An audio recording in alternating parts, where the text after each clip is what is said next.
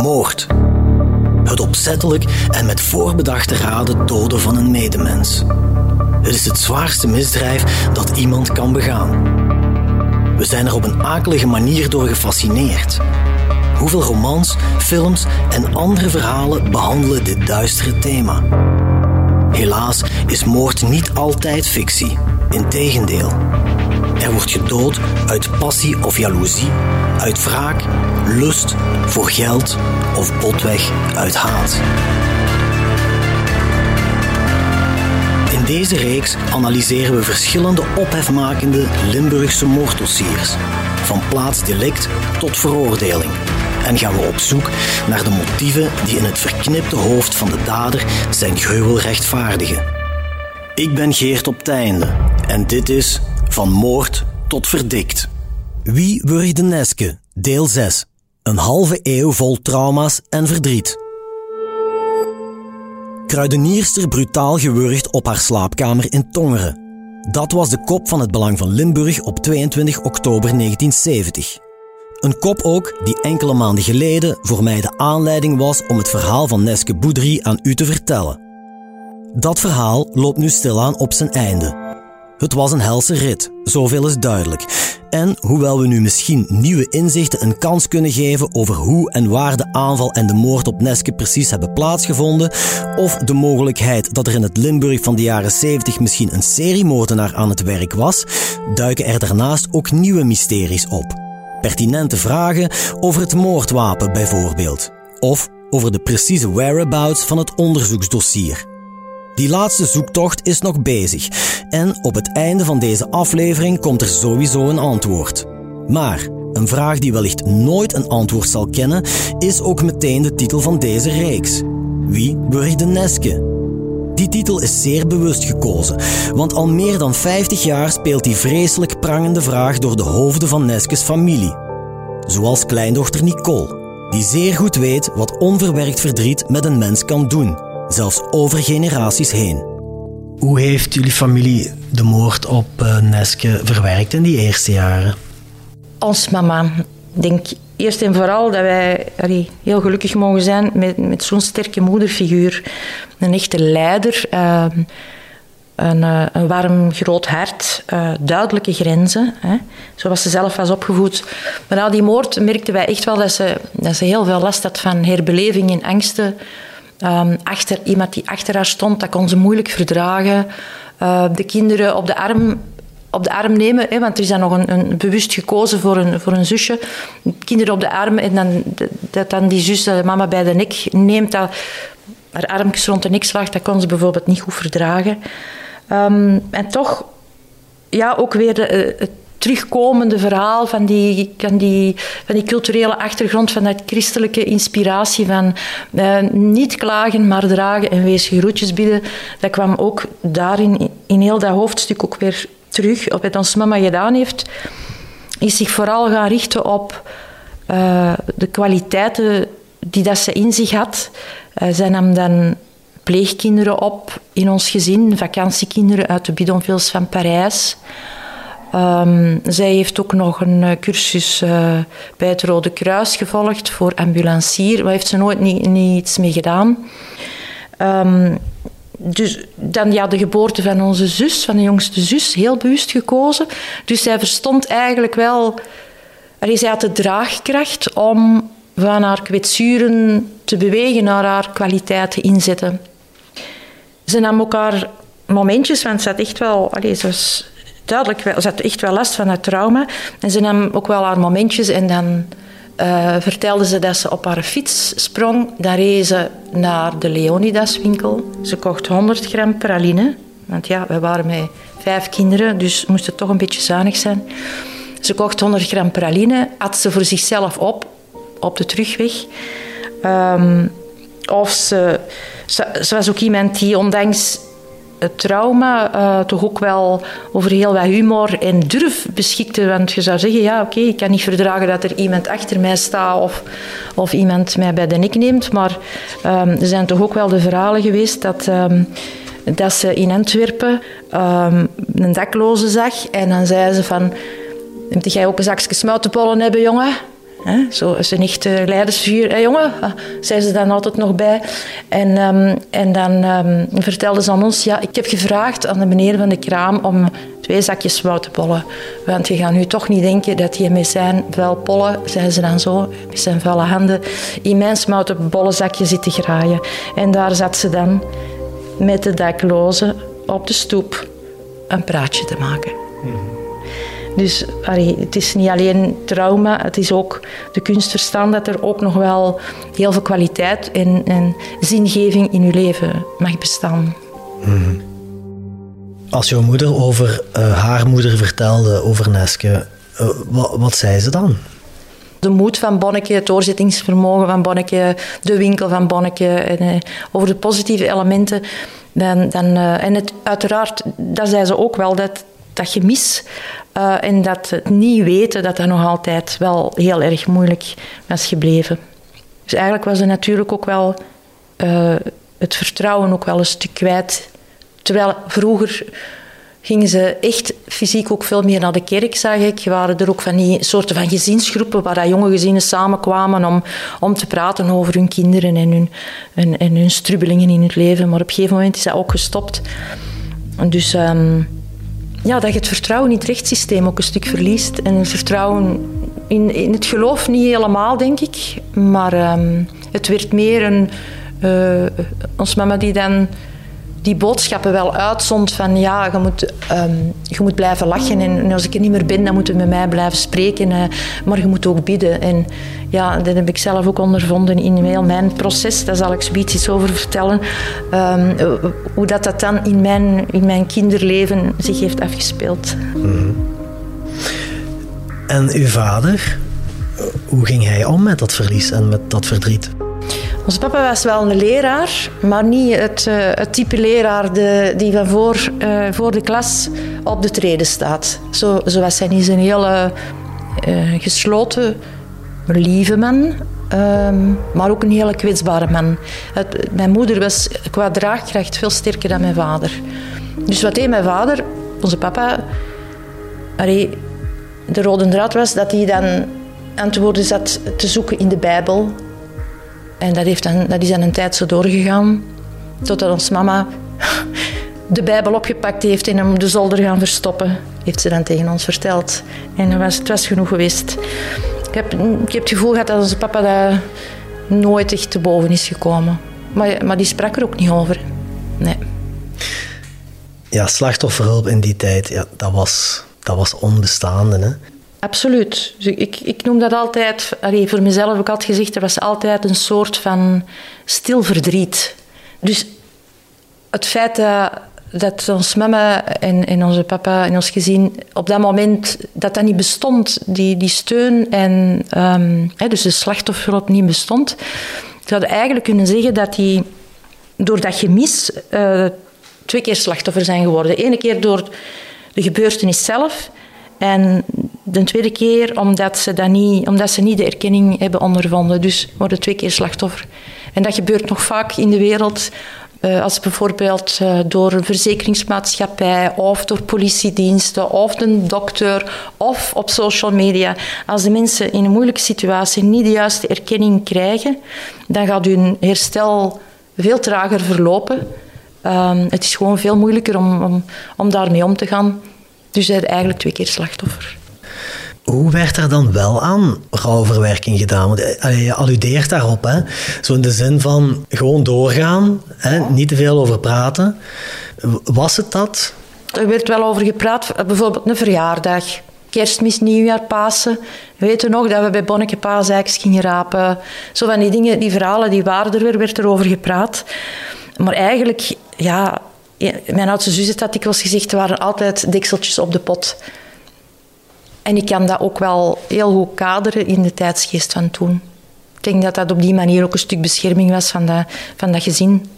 Maar jullie als kinderen, uh, jullie moeten dan toch ook vragen hebben gehad van wat is er gebeurd met Bonneken en hoe werd daar dan op gereageerd als jullie die vragen stelden? Dat weet ik niet meer precies, maar ik denk dat dat eerder een beetje weggewimpeld werd. Um, mijn oudste zus was 16 op dat moment, dus dat is al een, dan zit je al in een andere leeftijdsfase. Je zit midden in de puberteit al. Uh, zij, heeft het, misschien nog, nog bewuster meegemaakt dan ik. Zij zegt dat ze het niet kan afsluiten, ehm, dat ze het heel moeilijk heeft met de, de, het feit dat die deksels op die pot bleven. Ehm, dat dat een enorm gemis is dat er niet over gepraat kon worden. Dus telkens als er uh, iets nieuws gebeurt nu rond, rond Bonneke, dan is dat voor haar echt wel... Voor haar is dat echt nog altijd heel erg zwaar. zij onthoudt ook wel de fysieke kracht en, dus de kwaliteiten van Bonneke en uh, kleuren en mee in de winkel staan en zo. Dat onthoudt zij ook. Terwijl voor mijn jongere zus is het, is het verhaal dan anders. Die zegt van ja, dat ze met haar rood fietsje aankwam bij ons thuis en dat ik, Nicole, dan uh, geroepen had van dat Bonneke vermoord was. Dus dat ze daar heel erg van geschrokken was. Dat zij als kind thuis, als ze de slaapkamer binnenging, dan duwde ze de deur tegen de muur om te zien dat er niemand anders stond. Niemand achter stond. En uh, een BH, dat moet bij haar altijd in de kast. Dat is voor haar ook nog wel een trigger. Zij zegt van... Uh, het zou mij rust geven, moest ik, moest ik weten wie het gedaan heeft. Uh, ik, daarom wil ik het ook opgelost zien. Maar eigenlijk is, is heeft het vooral te maken met het verdriet van jullie. Dus het verdriet dat mijn oudste zus of het verdriet van mijn jongere zus is weer anders dan hoe dat ik het ervaren heb. We zijn uiteindelijk allemaal unieke wezens en we hebben allemaal onze manieren. En mijn jongste zus, die zei dan ja, die vertelt die verhalen over uh, de mama, met mama naar de basiliek gaan, in een schriftje schrijven, in de hoop dat er toch nog iemand zou willen spreken. En mama had daar ook wel gezegd van, tegen mijn jongste zusje van, ja, het kuiltje in uw wang uh, en dezelfde haarkleur, ook al is mijn zus veranderd van haarkleur, maar dat maakte niet uit voor ons mama, dezelfde haarkleur en het kuiltje in de wang, dat doet mij denken aan Bonneke. Dus mm -hmm. daarmee was het goed, hè. De moord op haar grootmoeder heeft vanzelfsprekend een zeer grote indruk nagelaten op de toen 12-jarige Nicole. Zij was het ook die thuis in Antwerpen de telefoon opnam toen de zoon van Neske, haar onkel Jackie, belde om het vreselijke nieuws te melden. En het zal natuurlijk dat gegeven niet alleen geweest zijn, maar het is duidelijk dat Nicole in de periode na de moord een hele tijd geen kind meer kon of wilde zijn. Nu gaat het over u, hè? Ah. We zijn er bijna door, hè? Mhm. Ja. Wat wilde weten, hè? Ik zou willen weten op welke manier dat die gebeurtenis jouw eigen leven geïmpacteerd heeft. Je, je had het daar straks al kort over het feit dat je een soort van ouderrol op je nam, meteen na de feiten. Ja, dat, dat, dat moet heel erg zwaar zijn voor iemand van die leeftijd. Hè, om... Eigenlijk... Um dat zorgzame in mij, ik denk dat ik ook wel een hele goede observator was. Ik had dat wel allemaal goed door. Ik ben ook heel auditief, dus alles wat er gezegd werd, eh, heb ik altijd goed onthouden. En, uh, dus ik heb die rol dan opgenomen. Je doet dat eigenlijk onbewust. Um, maar op een gegeven moment merkte wel dat je dan in die rol komt van het geparentificeerde kind. En dat je ouder wordt van je eigen ouders en van het gezin. En dat je, dat je s'morgens... Uh, heel vroeg opsta en, en, en, de koffie klaarzet. Uh, um, of als ons mama eens een keer in het ziekenhuis lag, dan uh, de zorg voor de, mijn jongste zusje ging opnemen. Allee, het was gewoon enorm zwaar en ik ben er gelukkig zelf wel terug uitgeraakt. Maar die fase, dat, dat heb ik wel... dan heb ik het er wel moeilijk mee gehad. Um, maar dan, ja, als ik s'avonds in mijn bed lag, dan had ik muziek. Dat heeft mij enorm geholpen. En als ik dan mijn zussen vragen hoeveel LP-platen dat ik grijs gespeeld heb, um, dat waren er heel veel. En ja, dan bad ik maar een wezen groetje en dan uh, vroeg ik, laat mama nog leven tot ik 18 ben. Dan kan ik het gezin op mij pakken. Is dat echt? Ja. Dat is u zelf toch wel echt een ongelooflijke druk op uw eigen schouders leggen. Hè? Ja. Uh, dan heb ik wel geluk gehad, hè, want ze is er 90 geworden. Hè. Dus wel, wel langer geduurd dan 18, tot ik 18 was. Ja, dus ik, misschien heb ik wel de draagkracht van, uh, van mijn moeder meegekregen. en jouw, jouw eigen kinderen? Ik weet niet hoeveel kinderen dat, dat je hebt. Ik heb drie kinderen. En ook al kleinkinderen ondertussen? En vier kleinkinderen. Want het, het lijkt generaties door te gaan, hè? Het lijkt, ja. Ja. Op welke manier gaan zij daar vandaag mee om? Anders. Uh, ik, ik heb de indruk dat ik de, eerste, de eerste levensjaren van mijn kinderen um, denk ik dat ik ook wel ja, die, die bezorgde mama en misschien zelfs wel eens overbezorgd, het, met mijn dochter nog eens over gesproken, zo wat meer dat pas op, pas op kindje, pas op kindje. Hè. Dus dat ik wel heel beschermend was. Maar door heel mijn transformatieproces, hè, de, de verschillende fasen waar je doorgaat en veel bewuster zijn, heb ik toch geprobeerd om daar een klein beetje iets in te veranderen. En ik heb gevraagd aan mijn dochter, dat is de jongste, waar zij vooral uit dat verhaal meeneemt. En zij zegt van, ik herinner mij vooral de verhalen die jij vertelde over Bonneke en haar snoepwinkel. En ik heb mij daar een beeld van, dat is zoals de Kotmadam uit de Vlaamse serie. De Kotmadam, ja. Dus de glazen bokalen met snoepjes enzovoort. Um, mijn zonen, uh, die zeggen van, ja dat ze dat verdriet wel gemerkt hebben, maar dat is een stukje wel van hun geschiedenis, maar dat is niet zoiets wat, dat, zij nu nog meenemen. En dat vind ik bijzonder goed. Ik, heb ook, ik vind het ook heel fijn dat zij zeker mijn, mijn, jongens, mijn zonen, dat die zich ook heel goed hebben losgekoppeld en gaan studeren op kot en gaan. Ik heb een zoon in Texas wonen en ik heb een zoon in Nederland wonen. Um, ja. Um, en als mijn, mijn kinderen mijn kleinkinderen mij de vragen stellen over vroegere tijden, hoe was het bij jouw oma, dan vertel ik de dingen zoals ze zijn. Ik vertel wel over de hele mooie dingen, de snoepwinkel, maar ik vertel ook uh, de moeilijke dingen, maar wel zodanig gedoseerd dat, dat het behapbaar is. Dus, en ik hoopte zo die cirkel te doorbreken. Dat zij dat nu niet meer mee hoeven te nemen, dat dat eigenlijk een, een, een, een dat dat hoofdstukken zijn uit hun geschiedenisboek, maar dat, zij, dat het onnodig is om dat stil verdriet mee op te nemen. Nicole reflecteert, beschouwt en analyseert op een bijna wetenschappelijke manier haar eigen gevoelens en verwerking. En die van haar kinderen en kleinkinderen. Dat komt in eerste instantie misschien wat vreemd over. Maar veel wordt duidelijk wanneer ik meer te weten kom over haar professionele achtergrond.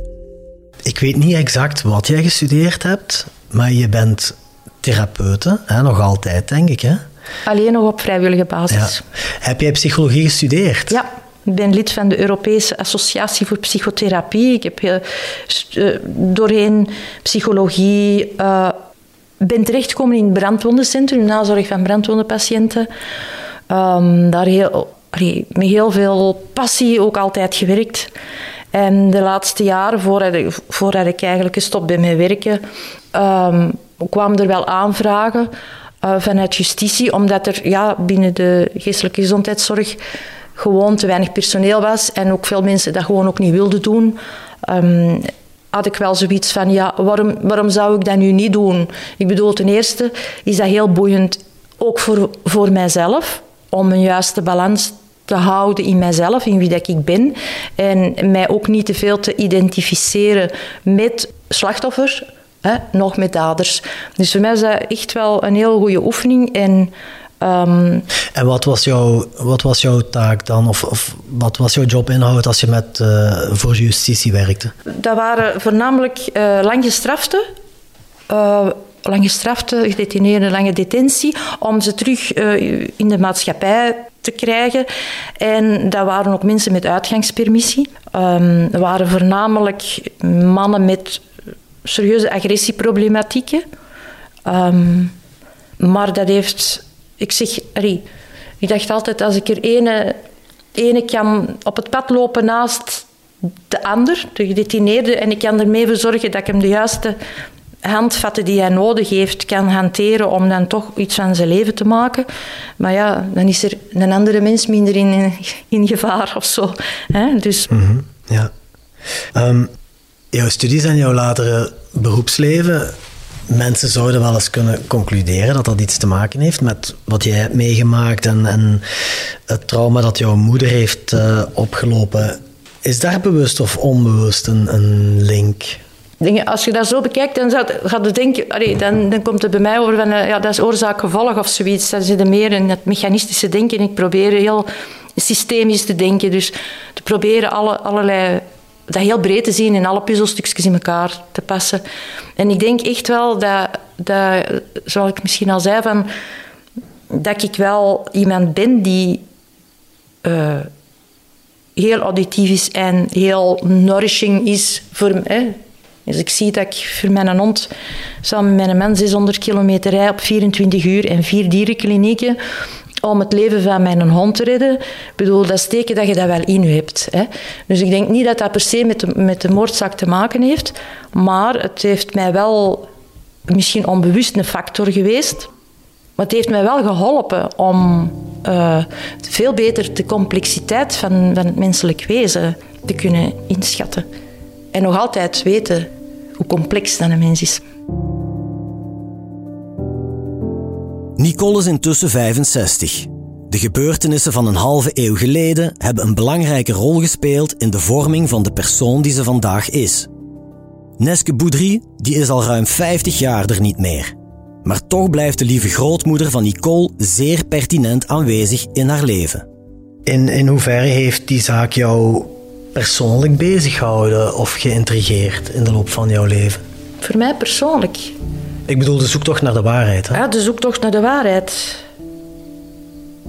Ik denk, dat ik, gewoon, ik denk dat ik gewoon heel alert ben gebleven op de signalen die dat er in mijn omgeving waren. Van het moment dat, dat mama eens wat minder ging, of dat ze een vraag rond had, dat ik daar direct in schakel. Hè? Dus ik denk dat dat meer mijn positie is geweest. Welke rol speelt jouw grootmoeder en, en wat er met haar gebeurd is op dit moment nog in jouw leven? Ik, ik onthoud vooral de, de positieve dingen. Dus dat wil zeggen de, de, de herinneringen die ik als kind aan haar had. Um, ik ben eigenlijk ook wel een beetje trots op haar, denk ik. Ja, denk ik. Ja, nee, ben ik zeker van. Ik ben trots op haar. Omdat zij ook uh, die, die, de moedigheid uh, die dat ze in zich had ook richtte ook op de anderen. Dat ze toch ook rekening hield um, voor, voor, mensen die het dan wat minder hadden enzovoort. Haar moed om haar kinderen te vluchten tijdens de oorlog.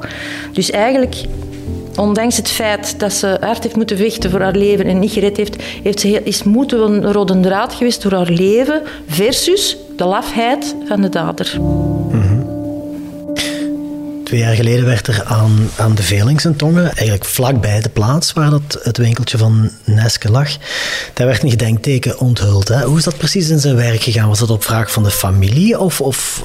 Ja, ik kan u voorstellen, mama, mama is van 89 jaar, ze heeft Parkinson. Uh, we weten ook dat, dat ze geen 100 jaar zal worden.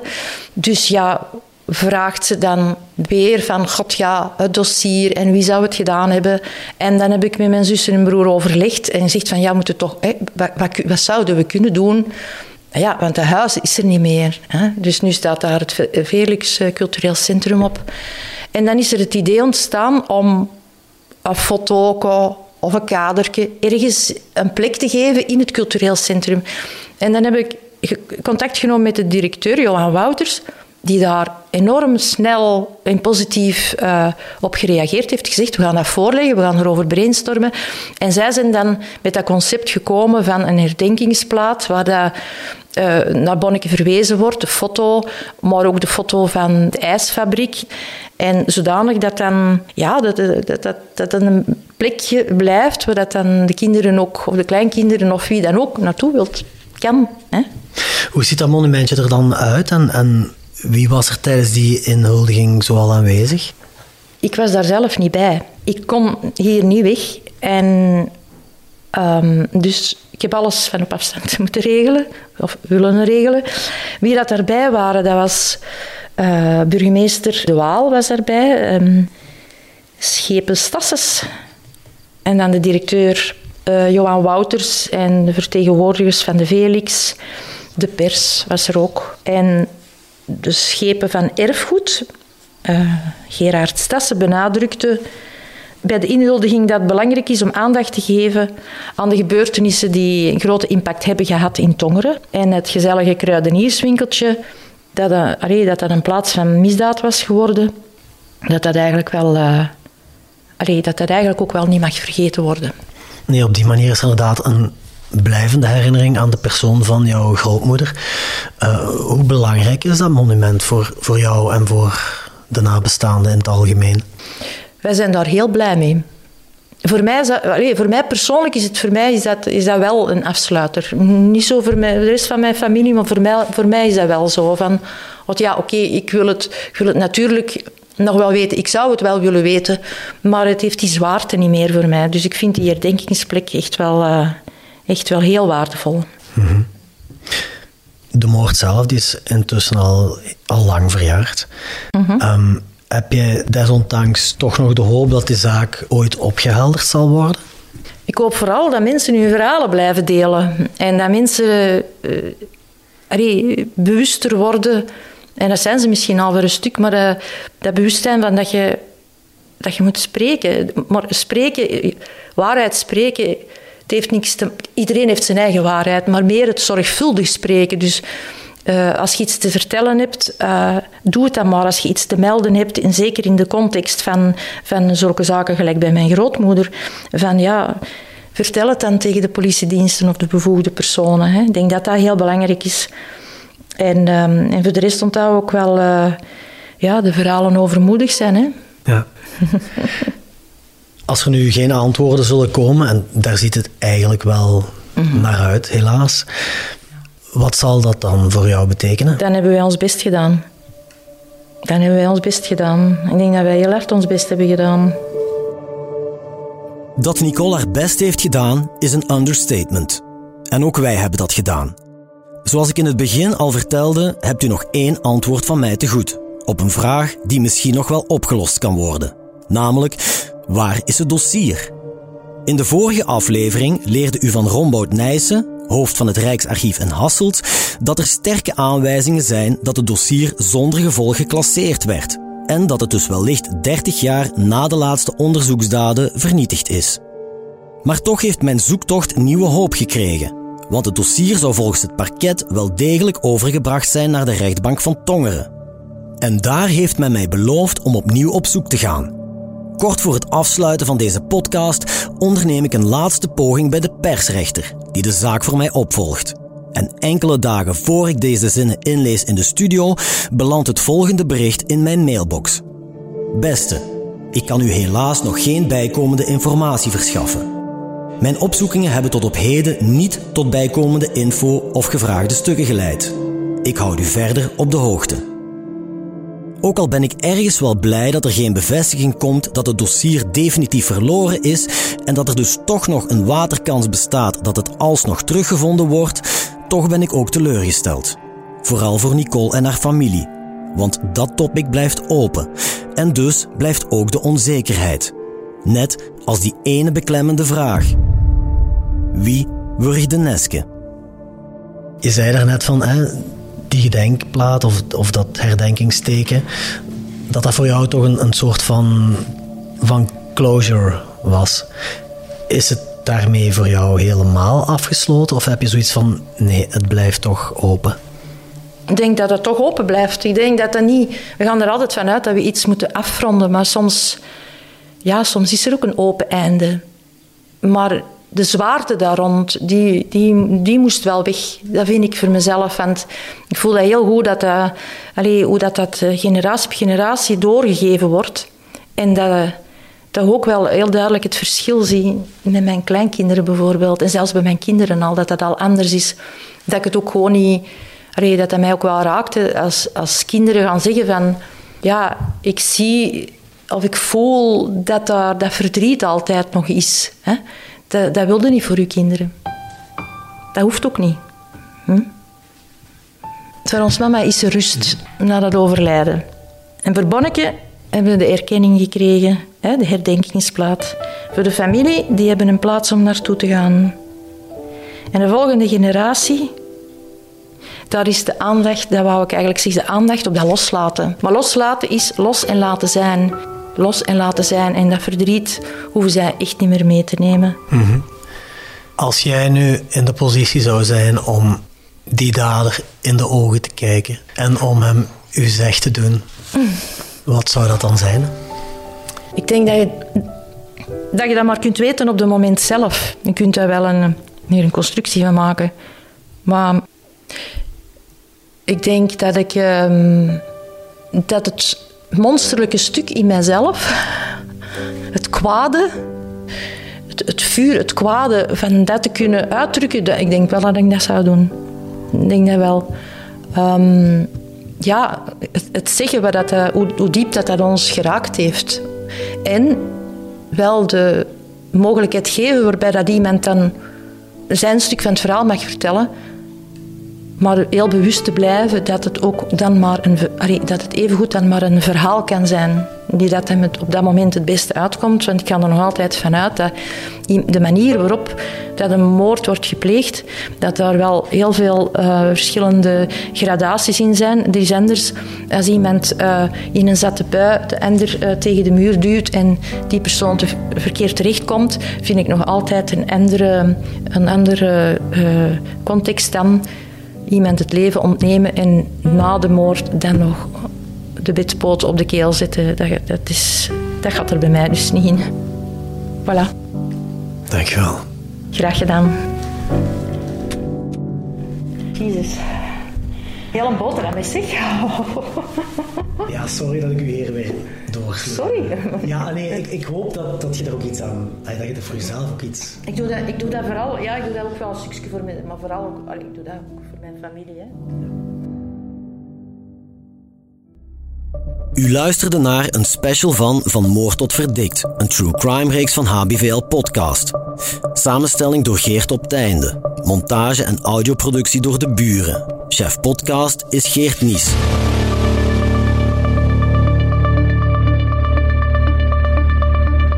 Reageren? Dat kan via podcast.hbvl.be. Benieuwd naar wat er in de wereld gebeurt en wat dit juist betekent voor onze provincie? Ontdek onze voordelige leesformules op hbvl.be/voordelig.